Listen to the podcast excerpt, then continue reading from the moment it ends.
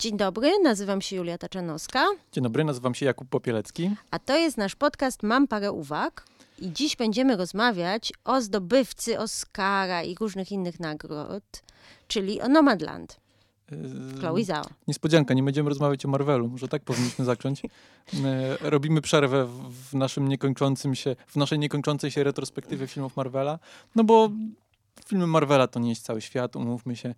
Em, Aczkolwiek Chloe Zhao przecież reżyseruje, będzie, będzie w tym roku jej film e, Eternals dla Marvela, więc... Może jednak nie, nie da się uciec przed może Marvelem. chyba się nie da uciec przed Marvelem. No ale postaramy się.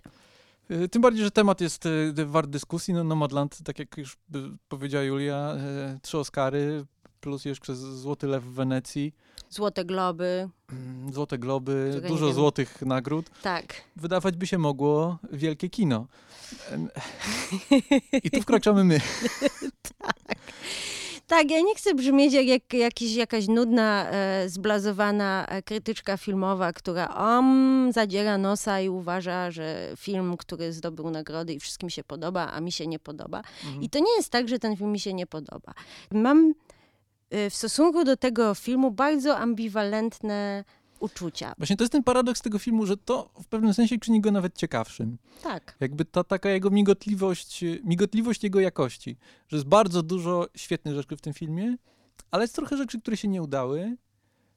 I sposób, w jaki te rzeczy jakby pracują na własną niekorzyść miejscami jest bardzo intrygujący i To tak. jest ciekawe w kontekście kariery Chloe Zhao, też na przykład, bo tutaj jakby w, postaramy się to wpisać w szerszy kontekst i może zastanowić się, y, Co gdzie dalej zmierza Tak, dokładnie. I co zadziałało w tym filmie, a co nam zadziałało, a co nam nie zadziałało właśnie w kontekście jej poprzedniego, poprzednich filmów. Na pewno jedna rzecz, która nam nie zadziałała, to wymawianie nazwiska reżyserki, bo widzę, że z premedytacją mówimy Zhao, a to jest chyba nazwisko, które powinno wymawiać się Zhao. Zhao, tak, tak. jak mówimy Zhang Imu, a nie Zhang Imu, o, o słynnym chińskim reżyserze.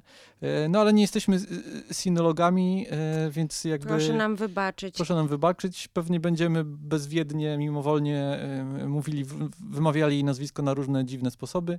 Tylko ostrzegam, będziecie musieli z tym żyć.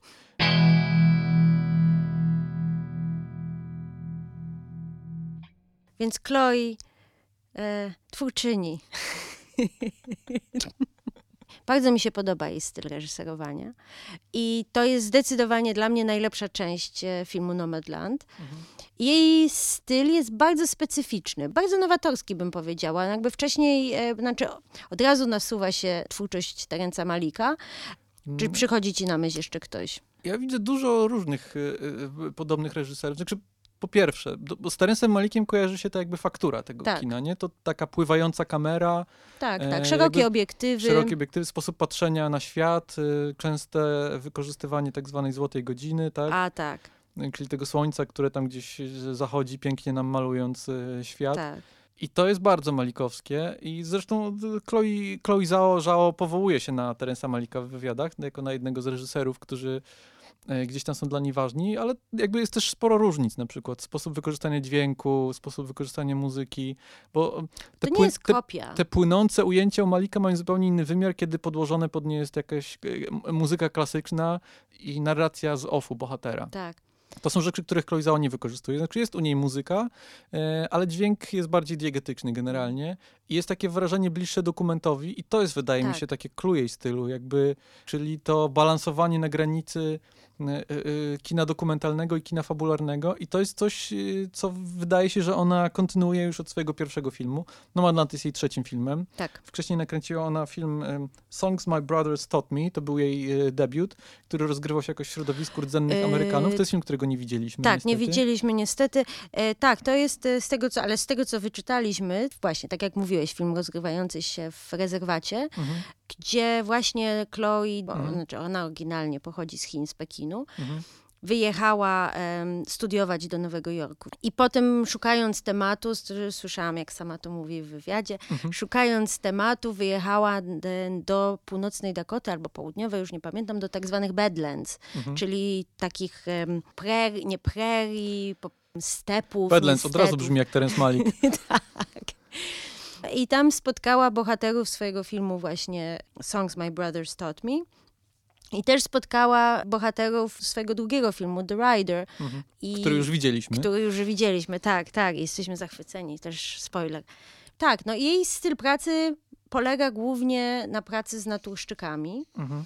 którzy grają siebie i ten styl jest, tak jak już mówiłeś, dokumentalny, kamera z ręki, To jest szerokie... niby dokumentalny. Właśnie na Znaczy- tym polega cały numer, nie? Że Tak, to jest kino, Znaczy- które wygląda jak dokument i wykorzystuje dużo elementów y, rzeczywistych, natomiast y, sposób organizacji tego materiału, czy jakby pewnego zaburzenia tej rzeczywistości jest już jak najbardziej fabularny. no tak, no bo ona ma scenariusz, Mhm. są punkty zwrotne, są, jest też rozpisane, są dialogi, chociaż też jest, mówi, że jest też dużo improwizacji. To tak jakby rzeczywistość filmowana okiem kamery miała jakby dwie drogi y, dojścia. Jedna droga jest taka, że bierzemy aktorów, uczymy ich udawać y, pewnych czynności Tak. i oni jakby na tyle wyrabiają w sobie te czynności, że zaczynają być w tym wiarygodni e, i mogą odegrać swoje role i Tak. jakby fałszywy, stworzony przed, y, przed kamerą świat y, na ekranie zaczyna wyglądać jak świat rzeczywisty. Natomiast Chloe Zhao podchodzi do tego samego problemu jakby od drugiej strony, czyli ona stwierdza, a można zrobić też na odwrót. Można wziąć naturszczyka i nauczyć go zachowywać się przed kamerą. Więc jakby ten cały bagaż, y, i świat, w którym on żyje, świat y, przedstawiony nie jest dla niego światem przedstawionym, tylko to, To jest jego to świat. jest jego tak. naturalny świat, więc na przykład w przypadku Ridera, kiedy mamy sceny, w których y, główny bohater pracuje z końmi, To, e, to jest on pracujący z no końmi. to gdyby Chloe Zhao zatrudniła Daniela Day-Lewisa, no to Daniel Day-Lewis pewnie spędziłby rok w stajni, nie? No tak. E, I potem pięknie by pracował z końmi. Natomiast zatrudniając prawdziwego kowboja, e, Chloe Zhao obchodzi ten problem. Problemem jest tylko to, czy kowboj będzie potrafił zagrać. No. Ale to też ma swoje plusy i minusy, bo niektóre jego zachowania będą dużo bardziej autentyczne niż coś, co mógłby zaproponować aktor, nie?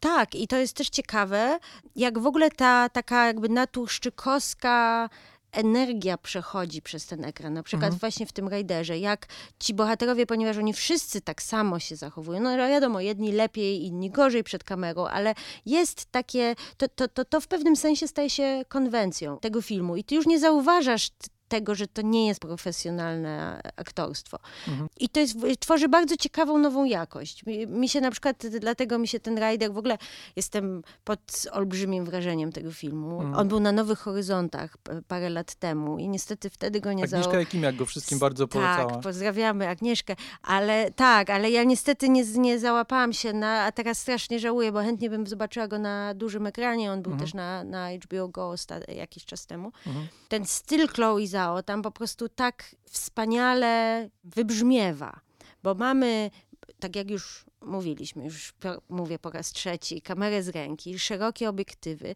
Y, Co powodują szerokie obiektywy, to to, że bohater, nawet jak jest zbliżenie, to bardzo dużo e, tła, Mhm. bardzo dużo krajobrazu, scenerii jest także w kadrze, więc ten, Mhm. ten bohater wydaje się tak jakby po, zatopiony bardziej w obrazie, Mhm. w świecie, w którym jest. Plus ym, y, montaż jest też bardzo ciekawy, ponieważ montaż jest właśnie zapożyczony z, dok- z dokumentalnego e, stylu.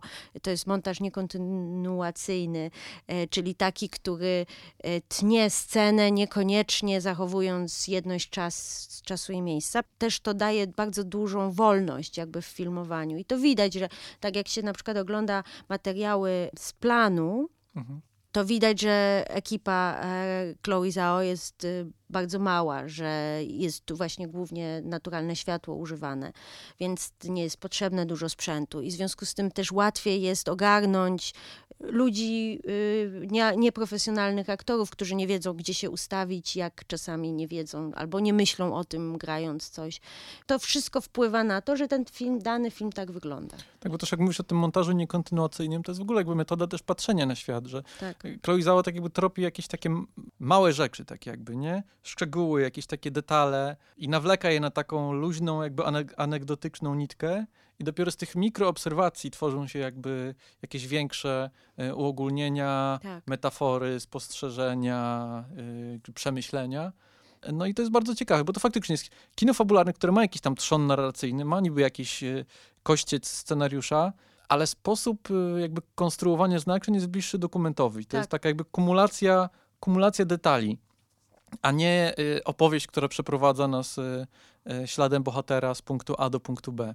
ten styl jest też bardzo po, poetycki, Mhm. e, ponieważ właśnie Chloe Zhao w swoich filmach bardzo pięknie fotografuje przyrodę i tak jak już też żeśmy wspomnieli Magic Hour, czyli to jest godzina zachód albo wschód słońca, Mhm. więc też ten czas e, filmowania jest też bardzo krótki, co też sprzyja jakby ruchomej kamerze bardziej, no jakby te techniczne, techniczne rzeczy, ale... Tak trzeba się e, spieszyć, więc jest, jest też taka jakaś nerwowość być może, jakieś takie Tak. poczucie czegoś chwytanego na gorąco, czego może nie widać, ale czasem to czuć jakby, nie? I Tak, i też w montażu to czuć, y, tak, tak, że, że, że pewne rzeczy są posklejane właśnie niekoniecznie, m, czy nie mówię, że źle sklejone, to, Mhm. to absolutnie nie, nie, nie o to mi chodzi, tylko że... nie ma czystych cięć Nie ma przykład, tak? czystych cięć, nie ma czyst, takich, takich, które nas przyzwyczajają, takie hollywoodzkie produkcje. No chociaż to jest też rodzaj konwencji, nie? Jakby, jeśli myślisz o rzeczywistości na dużym ekranie, to rzeczywistość równa się kamera z ręki, równa się brudne cięcia,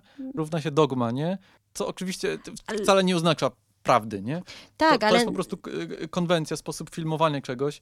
No nie wiem, Kapitana Amerykę można by y, nakręcić y, O, o. kamerą z ręki i nie skleić równo ujęć. I Formalnie byłaby to dogma, tak? E, Tak, ale też jak sobie myślimy o filmach dogmy, to te filmy jednak nie są tak pięknie sfotografowane, Mhm. prawda? Bo jednak to się też kojarzy jako, jako takie coś właśnie brudnego. A, a tutaj Chloe Zhao nam proponuje naprawdę piękne krajobrazy. To, No to jest ten komponent malikowski. Tak. Ona też, e, widziałem, na Wonga Kar-wai'a bardzo mocno się powołuje. Mm. E, bodajże na Happy Together wskazuje jak, jako jakiś taki kluczowy, ważny film e, w jej życiu. No i tego Karłaja też czuć, e, tego Wonga Mm. raczej powinienem był powiedzieć, który też jest takim bardzo czułym, bardzo poetyckim reżyserem, też widzącym świat jako taki bardzo, bardzo kolorowy. Zwłaszcza te filmy, które kręcił z operatorem Christopherem Doylem, miały w sobie z jednej strony ten taki to takie estetyzujące spojrzenie, a z drugiej strony jakiś taki brudek y, y, rzeczywistości. I wydaje mi się, jedno i drugie jest, y, jest u Chloe Zhao, czyli Tak, e, ja nawet... poetyckie spojrzenie i, i brudek rzeczywistości. Tak, ja nawet, ja nawet w jakiejś recenzji wyczytałam e, właśnie Nomadland, że jest e, piękne zdjęcie, ale właśnie czuć brud pod paznokciami też. Aha. Więc to tak mi się bardzo spodobało. Już nie pamiętam, gdzie ja to wyczytałam, no ale bardzo mi się to sp- spodobało, bo rzeczywiście wyda- wydawało mi się to bardzo trafne. Ja, ja ja tylko jeszcze dodam, e, nawiasem mówiąc, brud pod paznokciami kojarzy mi się przede wszystkim z Władcą Pierścieni. A, Tam jest bardzo dużo zbliżeń na, na brudne paznokcie, ale nie wiem, może jakoś w Eternal z, z Chloe Zhao pokaże nam e, czyste paznokcie? super bohaterów Marvela z brudnymi albo z czystymi paznokciami. Mm, No zobaczymy, no to jest pytanie.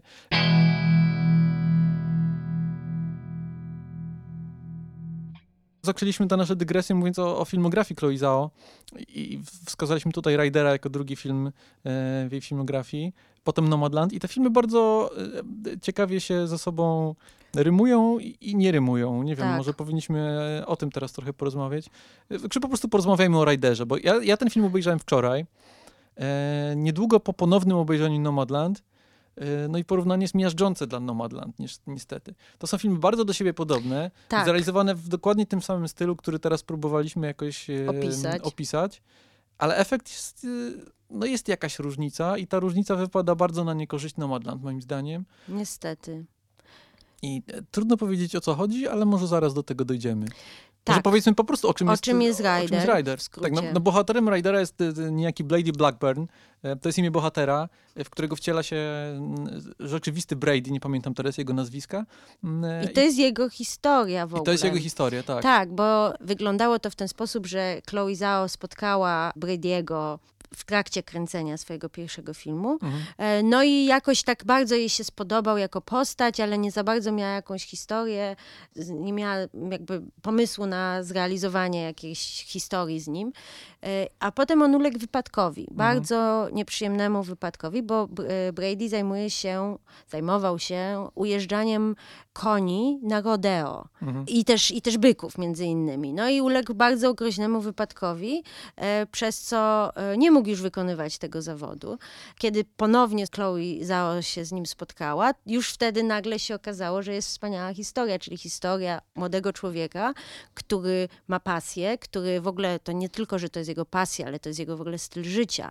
Mhm. I nagle ulega wypadkowi i nie może już tego robić. I co człowiekowi zostaje wtedy? Mhm. jak sobie radzić, szczególnie w takim miejscu jak południowa czy północna Dakota, o Jezu, gdzie właściwie wszyscy są kowbojami. Mhm. I, bo nie chcę powiedzieć toksyczna męskość, ale w pewnym sensie wzór męskości jakiś, e, który się opiera na tym, że trzeba być twardym, że, a z drugiej strony kowboj jest wolny i pędzi na koniu Nawet Brady w przez... którymś momencie wypomina swojemu ojcu właśnie to, że jak ojciec ma pretensje do Brady'ego, że on mimo wypadkowo, w- wbrew jakby zaleceniom lekarza, chce dalej jeździć. Tak, I mówi mu, co ty robisz? Jesteś głupi, nie chcesz się zabić? A, a, chcesz Brady, mówi, zabić. a Brady mówi, no ty mnie tego nauczyłeś, nie? Właśnie Tak. bądź mężczyzną, bądź kowbojem.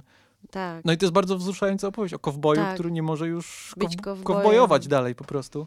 I fakt, tak jak mówisz, ta męskość to jest jeden z tematów, które tutaj są bardzo poważnie przepracowywane, ale, ale to nie jest taka męskość tylko twarda, bo na przykład jest bardzo ciekawa relacja e, Brady'ego z jego siostrą. Tak, bardzo wzruszająca. E, Swoją drogą, Songs My Brothers Taught Me, czyli pierwszy film Crowley też podobno opowiada o relacji między bratem i siostrą, więc może e, w Tak. Nomadland też mamy wątek jakby sióstr. Siostrzany, tak. Więc to jest też chyba jakaś taka nitka, która gdzieś tam przewleka się przez filmografię Chloe Zhao.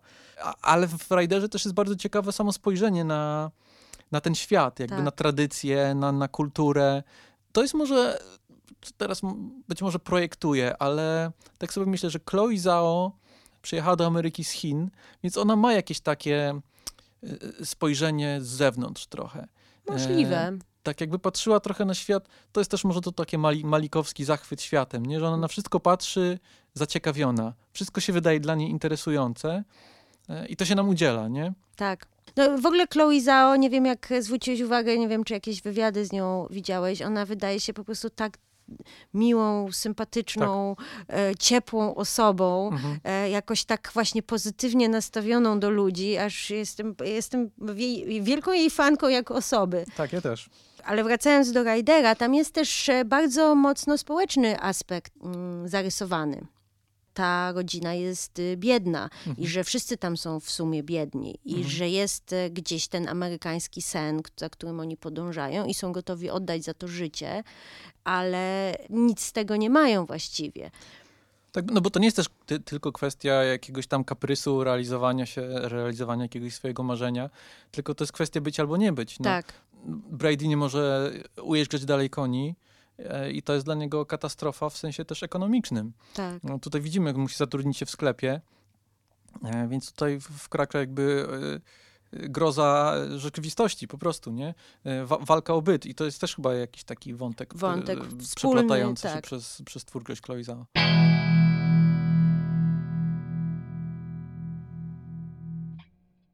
No to chyba jest już pora, żebyśmy zaczęli, przystąpili do głównego dania, czyli do filmu, za który Chloe Zhao dostała y, worek Oscarów i innych nagród, czyli do Nomadland.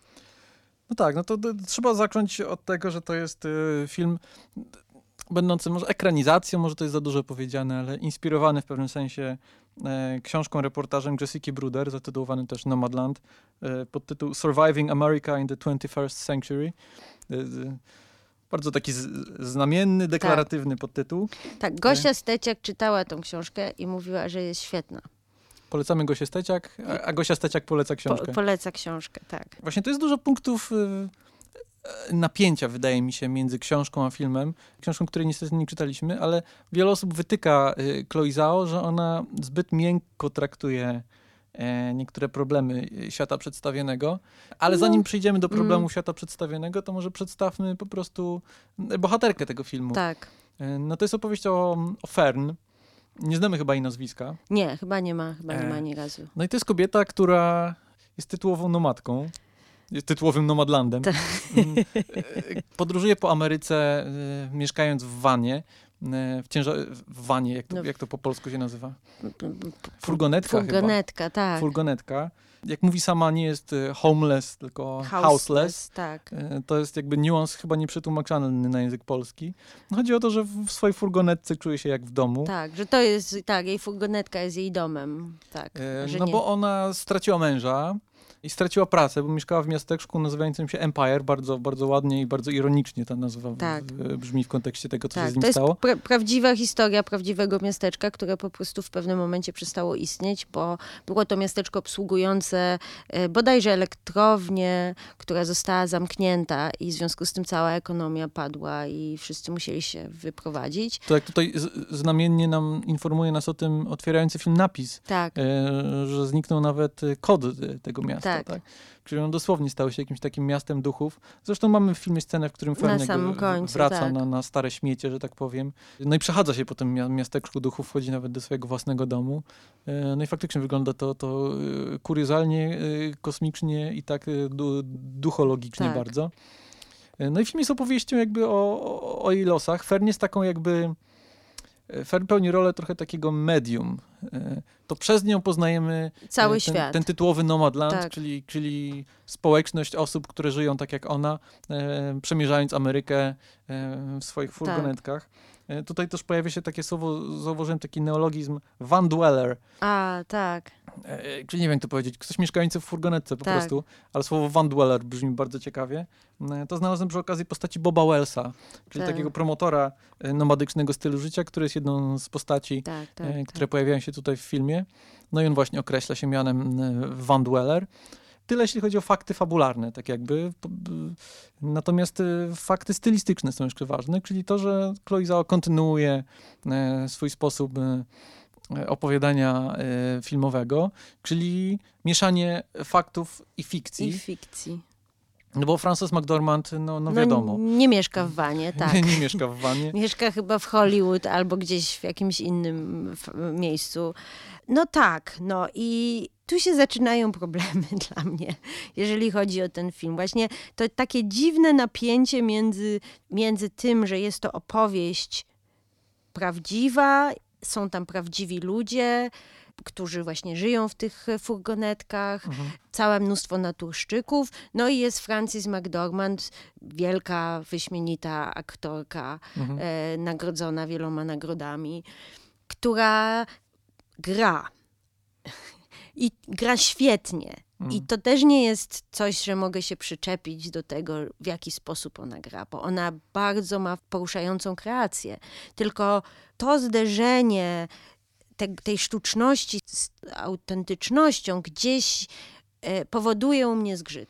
To, co Znaczy to- w to- to- na przykład Mhm. świetnie, e, zostało świetnie wygrane, bo to była historia, ostatnie nawiązanie, może nie ostatnie, ale e, słyszałam, jak Chloe Zhao w wywiadzie mówiła, że e, Rider jest oparty na życiorysie właśnie Brady'ego. Mhm.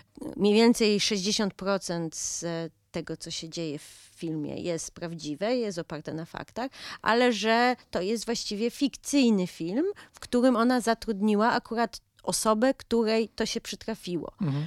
No i, i przez to to też jakieś autentyczności, jakby kolejny etap autentyczności osiąga ten, Mhm. ten obraz. Natomiast tutaj właśnie przez to, tak mi się wydawało, przez to, że jest e, Frances McDormand jest znaną aktorką, jest to dla mnie w jakimś sensie, że ja patrzę się na Frances McDormand. Ja się nie patrzę na Fern. Ja się patrzę na Frances McDormand siedzącą w wanie. I gdyby wszyscy inni aktorzy byli też znanymi aktorami, albo mniej znanymi, ale że po prostu to, to też moim zdaniem byłaby inna jakość tej opowieści. Też byłabym się bardziej w stanie jakoś za, e, za, zanurzyć w nią. Tak, bo to jest o tyle ciekawe, że tutaj mówisz o sztuczności, ale to nie jest sztuczność, którą jakby widać gołym okiem na Nie. ekranie.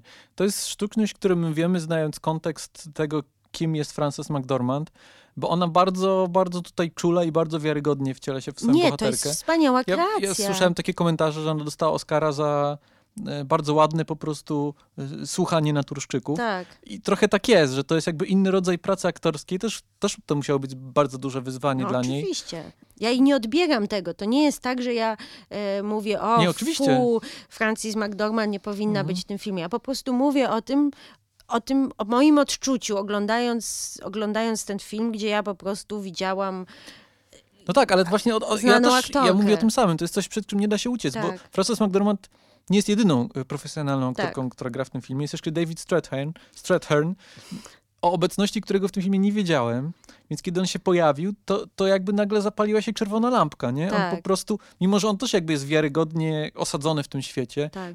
on jest zbyt dobrym aktorem, Chloe Zhao jest zbyt dobrą reżyserką, żeby tutaj był jakiś taki zgrzyt formalno-aktorski. To jest wszystko bardzo spójne, natomiast my go znamy.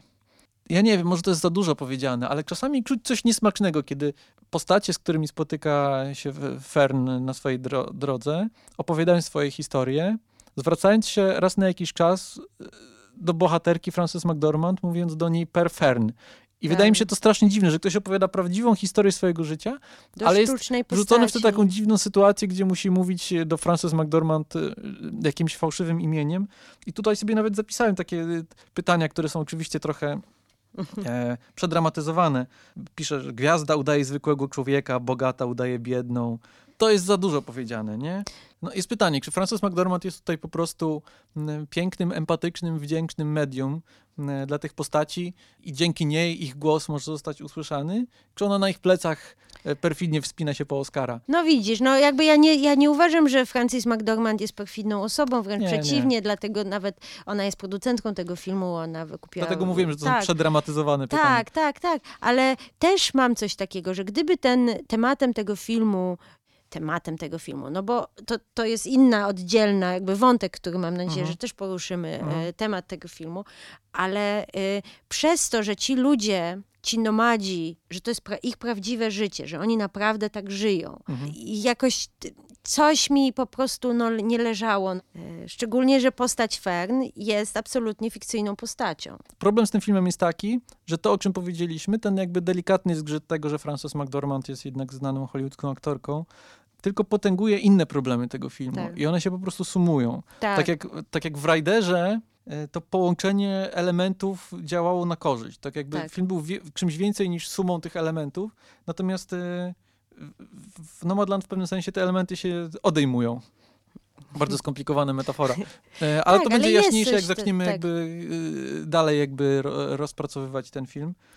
Ja już tu wspomniałem, że David Strathairn pojawia się w filmie i jego obecność, cały jego wątek e, jest w pewnym sensie, no, nie działa na korzyść, bo raz, po, pojawia się znany aktor, y, y, tak jak mówiłem, wykrzyknik, po prostu zapala się czerwona lampka, y, od razu wiesz, że coś będzie, że David Strathairn w, jakby w tłumie naturszczyków nie pojawia się po nic i to momentalnie uruchamia jakiś taki system gatunkowych oczekiwań, jakichś takich y, schematów narracyjnych. Zaraz myślisz romans, zaraz myślisz coś tu No. będzie, mija, mijają się bratnie dusze. I to jest to, oczywiście. no po to on tam jest Natomiast właściwie. fakt, że to jest akurat David Strathairn i Frances McDormand w tłumie jakby, no w tłumie prawdy, tak nie wiem jak to powiedzieć inaczej. Coś jest nie tak w tym, nie? Tak. Widzisz jakby szwy te, te, tego stylu Chloe Zhao. To chyba o to chodzi. Możliwe, że to o to chodzi. Tak jak w Riderze, jakby te elementy są tak bardzo przemieszane, że nie jesteś w stanie pokazać, gdzie kończy się rzeczywistość, e, a gdzie zaczyna się fikcja. Gdzie Brady Blackburn e, zmienia się w Brady'ego prawdziwego, jak on ma i- i- inaczej wa- na tak. nazwisko, nie pamiętamy jego nazwiska. E, natomiast tutaj te szwy są widoczne gołym okiem, tak? Tak. Frances McDormand, David Strathairn, okej. Tak, i, i, i tutaj właściwie też e, możemy zacząć mówić jakby o, te, o temacie tego filmu. Mhm. Bo ja się po, w pewnym sensie poczułam oszukana trochę też przez ten film, jakby tematycznie. Mhm. Ponieważ miałam poczucie, że oglądam jeden film przez połowę filmu, a potem nagle się okazało, że oglądam film o zupełnie czymś innym. Mhm. nie byłoby nic w tym złego, żebym ja po prostu miała film albo o tym, albo o tym. Ale przez to, że to, ta, ta, ta granica gdzieś się za, zatarła i ja się, po, no ja się po prostu poczułam oszukana i poczułam się wściekła i w pewnym momencie już mi, się- mnie po prostu kompletnie przestał interesować ten film. Zaraz wytłumaczę, o co mi chodzi to Mhm. konkretnie. Mianowicie zaczynamy Nomadland od tego, że właśnie poznajemy e, Fern, która pakuje swoje rzeczy. Widać, że mieszka właśnie w wanie, spotyka e, znajomych w supermarkecie czy gdzieś tam, którzy, gdzie właśnie jest to słynne tłumaczenie I'm not homeless, I'm houseless. Mhm. i tak dalej. Potem widzimy ją, jak idzie e, do pośredni, e, szuka pracy. Potem widzimy ją, jak w Amazonie pracuje, składa pudła, a słyszymy, że była nauczycielką, że była, pracowała tam w HR-ze gdzieś tam i gdzieś tam i że jest osoba, która ma 60 lat, czy ileś ten. Właśnie wiemy o, o niej tyle, że jej mąż zmarł po długiej chorobie. No i znając amerykańskie realia, E, nawet nie, niekoniecznie osobiście, ale chociażby z gazet czy z filmów, hmm. wiemy, jak wygląda społeczeństwo amerykańskie. To nie jest kraj dla starych ludzi. To nie jest kraj dla starych ludzi, to nie jest kraj dla biednych ludzi. Mhm. To znaczy, nie ma tam czegoś takiego jak siatka bezpieczeństwa, że, mhm. czy jakieś systemy emerytalne, czy coś. Jeżeli człowiek jest ten American Dream, prawda, sami sobie radzimy i jesteśmy i musimy się bogacić, fajnie, ale co jak ci się noga podwinie. No i plus koszty medyczne mhm. e, są strasznie drogie, więc bezdomnych ludzi w Stanach jest strasznie dużo. Mhm. I to nie są ludzie, którzy, można powiedzieć, przepili albo przehulali, albo przez coś, tylko po prostu, właśnie tak jak Fern, stracili wszystko i stracili pracę i po prostu nie mają wyjścia. Mhm. Muszą mieszkać w tym wanie. I oglądam ten film, spotykamy tych różnych bohaterów, które, których spotyka Fern, e, spotykamy Lindę May, e, spotykamy Słanki i widzimy ich ludzką twarz. Widzimy, znaczy się ludzką twarz, to strasznie brzydko brzmi, ale chodzi mi o to, że Widzimy, że to są ludzie ze swoimi marzeniami, że ta bezdomność nie jest czymś, co ich określa, że to nie jest stempel, że mhm. zobacz, bezdomny to na pewno jest jakiś margines społeczny. Tak, ja tak się wetnę, bo tylko dodam, że z biedą, y, z opowiadaniem o biedzie jest taki problem, że to jest tak potężny problem, że opowiadanie o nim grozi sprowadzeniem bohaterów do przykładów. Jakby tragedia sprowadzona zostaje do statystyki. Tak. I to jest akurat y, pułapka, przed którą Kloiza udaje się uciec. Jakby tak. te postacie są upodmiotowione. Absolutnie. Y, I ja się naprawdę wzruszałam oglądając mhm. i słuchając ich historii. I słucha, słuchając właśnie historii Lindy May, że ona emerytury dostaje 500 dolarów, a pracowała od 12 roku życia. Mhm. E, I tak dalej. I Albo właśnie historia Słanki, która, która jest chora na raka i nie chce już być w szpitalu, i więc wybiera wolność, wybiera to, żeby pojechać do najpiękniejszego miejsca, jakie widziała i tam mhm. umrzeć na swoich warunkach.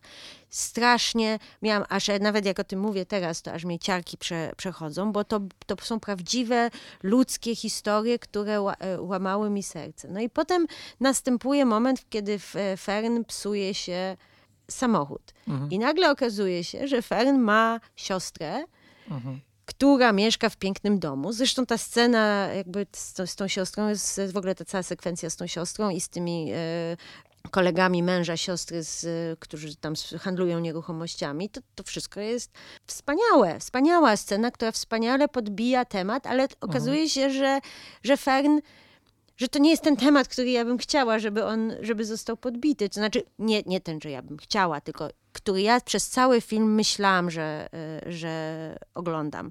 Bo nagle okazuje się, że Fern wybrała takie życie, że Fern może zamieszkać u siostry, może starać się odbić jakoś, mhm. stanąć na własne nogi. I ja rozumiem, że historie rodzinne, że nie zawsze się chce brać od siostry coś tam, coś tam i tak dalej, i że to jest jej styl życia i że ona właściwie jest smutna, jakby przeżywa żałobę po stracie męża.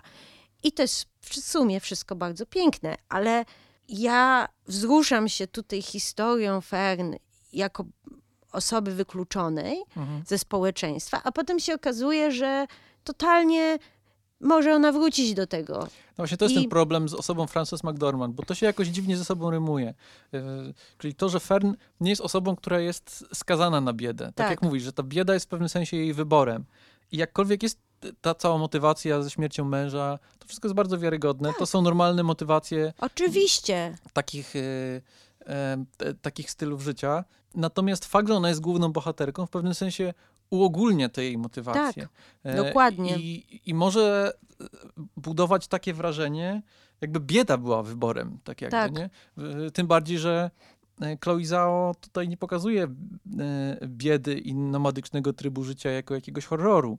E, ona tutaj bardzo niuansuje. To nie jest opowieść o tym, że to tylko są, tylko jest zimno i nie ma gdzie spać tak. i trzeba mieć no, wiadro zamiast toalety. Dokładnie. Co też jest w tym filmie, ale Chloe Zhao jakby pokazuje też jasne strony takiego no, życia. No oczywiście, właśnie ludzką stronę tego, tego właśnie piękną stronę. To Ale piękna... to piękno, problem jest taki, że to piękno w połączeniu z tym przykładem Fern, która jest główną bohaterką, przykładem, który pokazuje nam, że ona jednak wybrała ten tryb życia, pokazuje, że bieda w pewnym sensie nie istnieje. Tak, tak. bieda nie jest problemem strukturalnym. Znaczy, wydaje, który... wydaje mi się, że to jest po prostu przez przypadek wychodzi coś takiego, ale tak. po prostu taki dostajemy wydźwięk. Tak, Co... oczywiście, kiedy Fern idzie do siostry, to też nie jest dla niej proste. Poprosić o pieniądze. Ona musi przełknąć dumę. Wiadomo, jest to bardzo dramatyczna sytuacja. Natomiast prawdziwa bieda jest wtedy, kiedy nie masz do kogo pójść dokładnie. po te pieniądze. Dokładnie, bo potem mamy właśnie y, y, przykład Dave'a, jest dokładnie tym samym przykładem, że mhm. Dave nagle się okazuje, że ma syna, u którego może zamieszkać mhm. i, i w pięknym, wielkim domu i nawet też proponuje Fern zamieszkanie tam. I Fern nawet tak jakby mówi, zobacz, twój, twoja ciężarówka, nie twoja ciężarówka, twój van już się ma, ma, jest rozwalony, czy tam ma oponę e, przebitą, czy coś takiego. Mhm. Czyli tak jakby mu, jakby mu pokazuje, no, czyli co ty zrezygnowałeś z tego wspaniałego stylu życia nomada, no i i ja wtedy sobie myślę, no nie, no nie. No nie, no jakby ja, ja bym chętnie zobaczyła tą historię o tym, jak kobieta radzi sobie Y, z żałobą, bo to jest piękna historia. Ja nie, ja nie twierdzę, że to jest tak, ale chodzi o to, że Chloe zachowuje się w pewnym sensie nie fair, bo ona ukrywa nam motywa- ukrywa przed nami motywację Fern. Tak. Jakby to, że wybór nomadycznego stylu życia jest w zasadzie symptomem depresji i sposobem na przepracowanie żałoby, to dowiadujemy się w jednej z ostatnich scen, tak. kiedy Fern rozmawia z Bobem Wellsem bodajże. Tak. On mówi o samobójstwie swojego syna, tak. które było dla niego takim jakby e, Rubikonem. Ona tak. z kolei wtedy wyznaje tę historię z mężem. E, I to jest nie fair w takim sensie, że to jest informacja, którą dostajemy na końcu filmu. Więc ona funkcjonuje w pewnym sensie niemalże jak scenariuszowy twist. Tak. No ale to nie jest dobry twist, kiedy twist polega na tym, żeby ukryć przed widzem, co motywuje główną bohaterkę. Bo, bo kiedy twist zostaje jakby ujawniony, no to tak jak mówisz, możemy się czuć tylko oszukani, bo wydawało nam się, że oglądamy film o biedzie, jakby o strukturalnych problemach Ameryki. Tak. E, natomiast oglądamy film tak naprawdę o kobiecie w depresji i kobiecie w żałobie. I nie ma nic z tym złego, Dokładnie. Nie, nie, byłoby w tym nic złego, gdybyśmy wiedzieli to od początku, tak, tak. mi się tak. wydaje. No, no, dokładnie. To nie jest tak, że ta informacja podana nam za 5.12 nagle jakoś coś wielkiego zmienia w tym filmie. Tak. Wydaje mi się, że gdybyśmy wiedzieli to od początku yy, w tak czytelny sposób, to zasady gry byłyby jasne, tak jakby, tak. nie? Tak, i ten film byłby uczciwczy po prostu. Mhm. Ty to ładnie ująłeś, że to jest film, film o biedzie dla bogatych ludzi, mhm. żeby po prostu bogaci ludzie uprzywilejowani, oglądając to w kinie, poczuli się dobrze ze sobą. Że ci bezdomni, których widzą na zewnątrz, to oni w sumie prowadzą piękny styl życia. Mhm. Czy coś takiego. No, tak, tak. jakby może troszeczkę przeginam w tym momencie, mhm. e, jakby troszeczkę tak złośliwie tutaj wypuszczam e, jakieś złośliwe jady, ale, ale ja się naprawdę poczułam oszukana. No. Tak, tym bardziej, tym bardziej, że ta, no, bo to jest jakby kwestia e, zarządzania informacjami. Mi się, Im jestem starszy, tym bardziej mi się wydaje, że opowiadanie historii i kręcenie filmów to jest po prostu e, zarządzanie danymi, zarządzanie informacjami, sprzedawanie. E, brzmi to bardzo tak jak księgowo, ale... No ale trochę tak jest. Jest no. tym rodzaj magii też. I, I, chodzi mi o to, że jakby wydaje nam się, że oglądamy film o biedzie, podczas gdy oglądamy film o żałobie.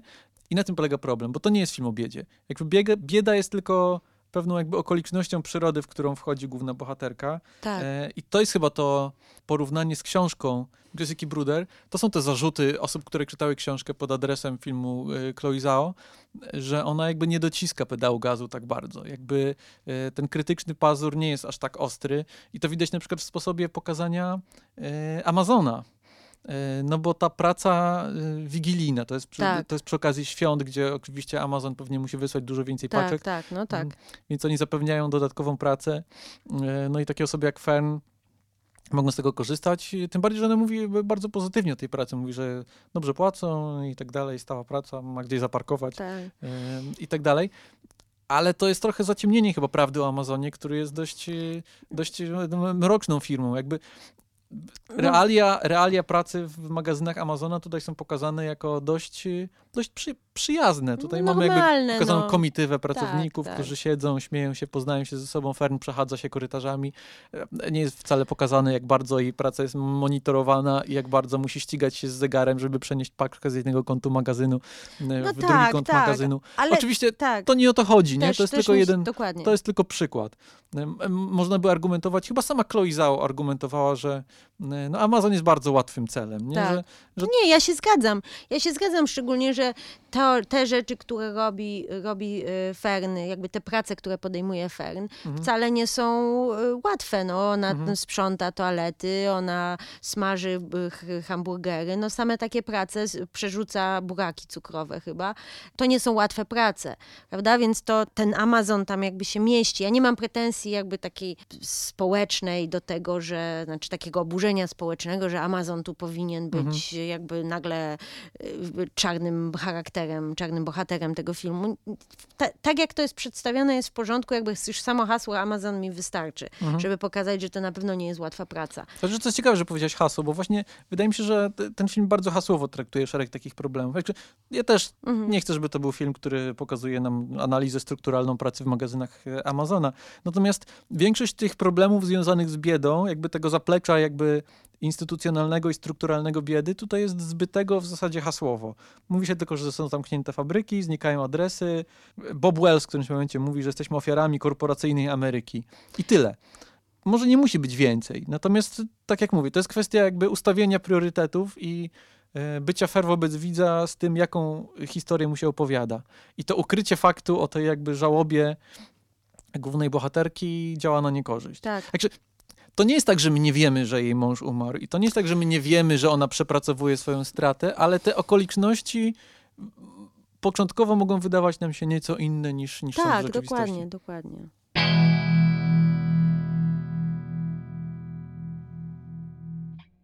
I te- teraz trochę jakby dyskusja, y, szala dyskusji przechyliła się trochę za bardzo na niekorzyść Nomadland, wydaje mi się. Z tego, jak tutaj opowiadamy o tym filmie, wydawać by się mogło, że ten film nam się bardzo nie podoba. A to nieprawda. To nieprawda. Natomiast y, y, chciałbym powiedzieć jeszcze jednej rzeczy, która mi się w tym filmie nie podoba. Mianowicie to, że ten piękny styl Chloe Zhao miejscami tutaj zbliża się w stronę kiczu, wydaje mi się. Mm. Kicz to może za dużo powiedziane, ale to jest też kwestia kontekstu, bo kiedy mamy cierpiącą bohaterkę i ona cierpi na tle pięknego zachodu słońca, pytanie, czy to jest banalne, czy to nie jest banalne. Mamy tu taką scenę, gdzie Fern e, stoi na takim urwisku e, Nad morzem. nad morzem, pada deszcz, i jeszcze jest taka muzyka bardzo, bardzo czułostkowa, pianino, smyki. Em, Nie podoba mi się, nie podoba mi się ścieżka dźwiękowa w tym filmie. Mm, Ludovico Einaudi jest jej autorem. Wydaje mi się, że ona wydobywa tę właśnie taką ki- kiczowatość, e, jakąś taką... e, Jest też bardzo dużo rzeczy, które aż proszą się o to, że żeby czytać je metaforycznie w taki banalny sposób. E, Kiedy mamy na przykład scenę e, wykładu o planetach i gwiazdach i zaczynam sobie myśleć, o, samotność w kosmosie. I to tak brzmi trochę tanio. Albo kiedy Fern gubi się w tym parku geologicznym, to też aż prosi się, żeby czytać to jako, jakoś, jakoś symbolicznie, to jest ta zagubiona bohaterka. No W sensie, tak, same w ją- sobie, tak. to, to nie są sceny, które są jakoś rażące, ale one się e, e, sumują w jakiś taki nie, niekorzystny sposób. Ale żeby oddać jakby sprawiedliwość e, Chloe Zhao, to jest dużo więcej chyba sposobów, w które ten jej styl pracuje jakby na korzyść tego filmu. To w jaki sposób jakby ten świat jest nasycony rozmaitymi detalami, niuansami, to jak to jest zbudowana klamra narracyjna. Tak, film tak. zaczyna się od e, Świąt Bożego Tak, Narodzenia tak, bo i to- Nowego Roku i kończy się tak samo, co pokazuje jakąś taką cykliczność. e, Cykliczność. Cykliczność. Tak, no jest też mnóstwo po- pokazane, te, to, to życie tych nomadów to nie jest tylko piękna przygoda Mhm. i podróżowanie, ale też e, właśnie i mróz i to, że na przykład e, właśnie psuje się coś i że nie ma komu pomóc. To, jest, to jest element tego upodmiotawiania i jakby odzyskiwania człowieczeństwa Tak. tych bohaterów. Jakby pokazywanie, jak wygląda e, e, ta ich rzeczywistość w taki sposób bardzo szczery. I to są rzeczy, o których nawet byś nie pomyślała, że to mogą być wielkie problemy, natomiast z ich perspektywy to, to jest niemalże trzęsienie ziemi. Na przykład, Tak. kiedy, kiedy Fern łapie gumę po prostu. Tak. To jest problem, bo to to jej dom złapał gumę w No pewnym tak, sensie, tak? Albo tak. kiedy mamy scenę, gdzie no, ob- obcina sobie włosy po prostu przed lustrem, Tak. tyle, że obcina sobie je w nocy w jakiejś publicznej toalecie, gdzie tam ćmy latają nad Tak. lustrem. I to bardzo jest jakby znamienny obrazek, nie? Tak. Ja muszę powiedzieć, że ja naprawdę jestem fanką stylu e, Chloe Zhao. Naprawdę mi się, e, mi się to podoba, w jaki sposób ta kamera pracuje. E, jest ta scena, taka scena długiego ujęcia, nie wiem, czy zwróciłeś uwagę, no jakby wszyscy zwrócili uwagę, gdzie e, e, Fern idzie przez, przez całe to obozowisko tych nomadów. Mhm. Jest zachód słońca i kamera jakby idzie z nią i tam po prostu tak sobie myślałam, że to musiał być inscenizacyjny koszmar, żeby po prostu, bo tam wjeżdżają w kadr, wchodzą i wychodzą, to płynie tak jakby, Mhm. y, wchodzą i wychodzą różne postacie i, i, i samochody i światła i ona macha i ja jestem, jak to się mówi po angielsku, sucker y, dla takich rzeczy, to znaczy ja strasznie jakby działają na mnie piękne obrazy Mhm. i też myślałam sobie oglądając ten film, że te piękne obrazy, że to właśnie pomaga pokazać jakby człowieczeństwo, wydobywa jeszcze bardziej człowieczeństwo, że właśnie ja nie znoszę filmów, gdzie jest bieda i wszystko jest źle i jest brudno i myślę sobie, nie, tak przecież świat nie wygląda. A tutaj Czyli mamy... kina rosyjskiego nie lubisz. No nie za bardzo. Ale a tu mamy, tu mamy coś, po prostu mamy taki piękny balans między Mhm. tym, że ja, jasne, jest źle, nie jest dobrze, m, mieszka się w swoim samochodzie, ale za to jest przepiękny zachód słońca i, i można się cieszyć przepięknym zachodem, zachodem słońca i można mieć miłych ludzi wokół siebie, nie znaczy, że po prostu człowiek człowiekowi wilkiem. I Mhm. jakby takie ciepło, które bije z tego filmu, e, jest, e, jest bardzo pozytywne. To znaczy, tak, tak daje dużo pozytywnej energii. Takie miałam wrażenie. Ale co chcę powiedzieć, i tutaj na korzyść, już powiedziałam, że już nie będzie powrotu do The Rider, ale jednak. Ja właśnie też chciałem jeszcze do Raidera podjechać.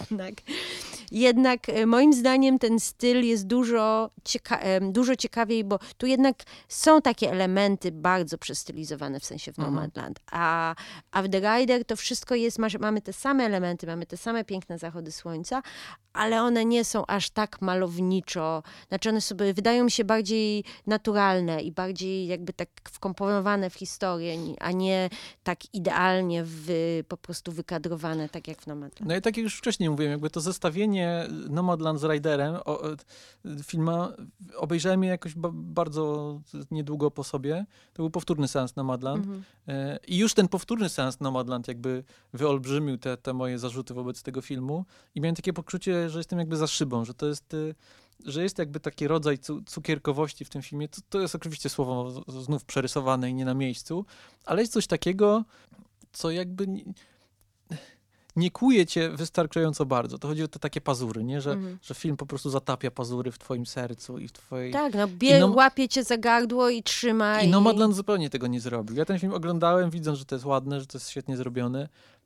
ale jakby brakowało mi tego czegoś. No, najpierw mówiłem o księgowości i o sprzedawaniu informacji, a teraz zaczynam mówić o metafizyce filmowej tak, i o ale, jakichś mag- ale, magicznych wrażeniach. Rider, ale właśnie The Rider cię łapie. Właśnie o to chodzi. Obejrzałem Raidera i byłem absolutnie wzruszony, wielokrotnie oglądając ten film, a Jezu. styl jest prawie że ten sam. Natomiast I historia jest nawet ta bardzo podobna też, prawda? E, co, jest, co jest bardzo ciekawe. Tam w Raiderze te konie. To, to, to jest ciekawe, że obecność zwierząt w, w, w, kadrze trochę zmienia. Jakby Tak, też zwierzęta pomagają. że tak. Może gdyby Frances McDormand jeździła Jednak na koniu. wzięła tego pieska, co to miała go wziąć na samym początku. O, film z pieskiem. Film o. z pieskiem może to by było bardziej, ale lepiej. zauważyłam, że Francis Magd- że, że Fern nie lubi zwierząt. E, że ona się boi, bo tam jest taka scena, gdzie oni są w, e, w terrarium, czy nie w terrarium, tylko w, e, Wąż. jest wąż, jest krokodyl Aha. i też ka- karmią kury i kaczki właśnie u Dave'a na farmie i Mhm. konie i Frances McDormand jest taka ojej, ojej, nie wiem co mam zrobić. Tak, więc tak sobie pomyślałam, że może, że może rzeczywiście więcej zwierząt by się przydało.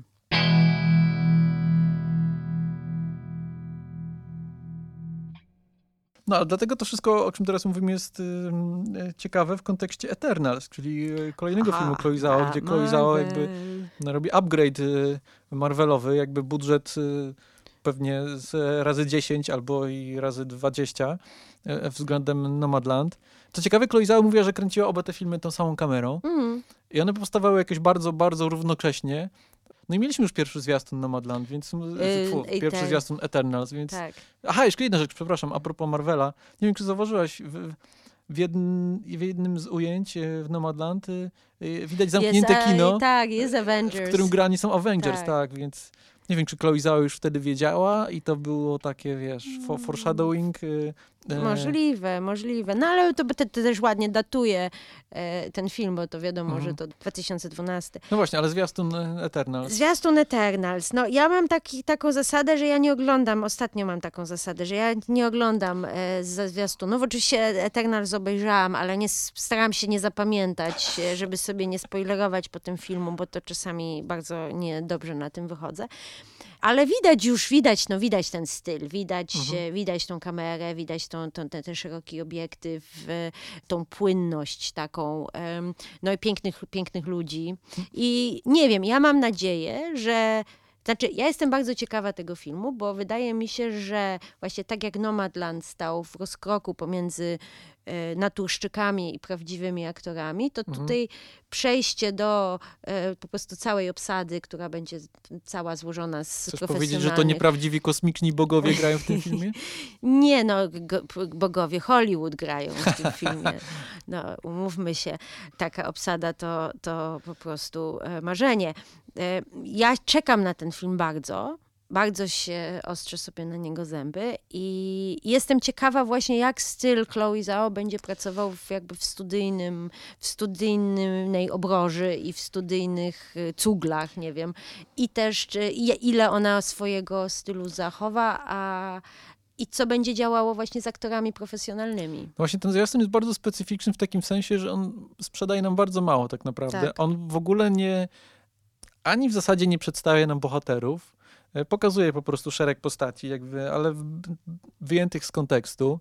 Nie zapowiada żadnego konfliktu. Tak. Więc tak naprawdę nie wiemy, o czym e, będzie ten film, nie wiemy, jaka będzie e, fabuła. I to jest wszystko bardzo fajne, e, bo to jest zerwanie z wszystkimi grzechami, jakie ostatnio. e, Zwiastuny popełniały. Jakie popełniają zwiastuny ostatnimi czasy.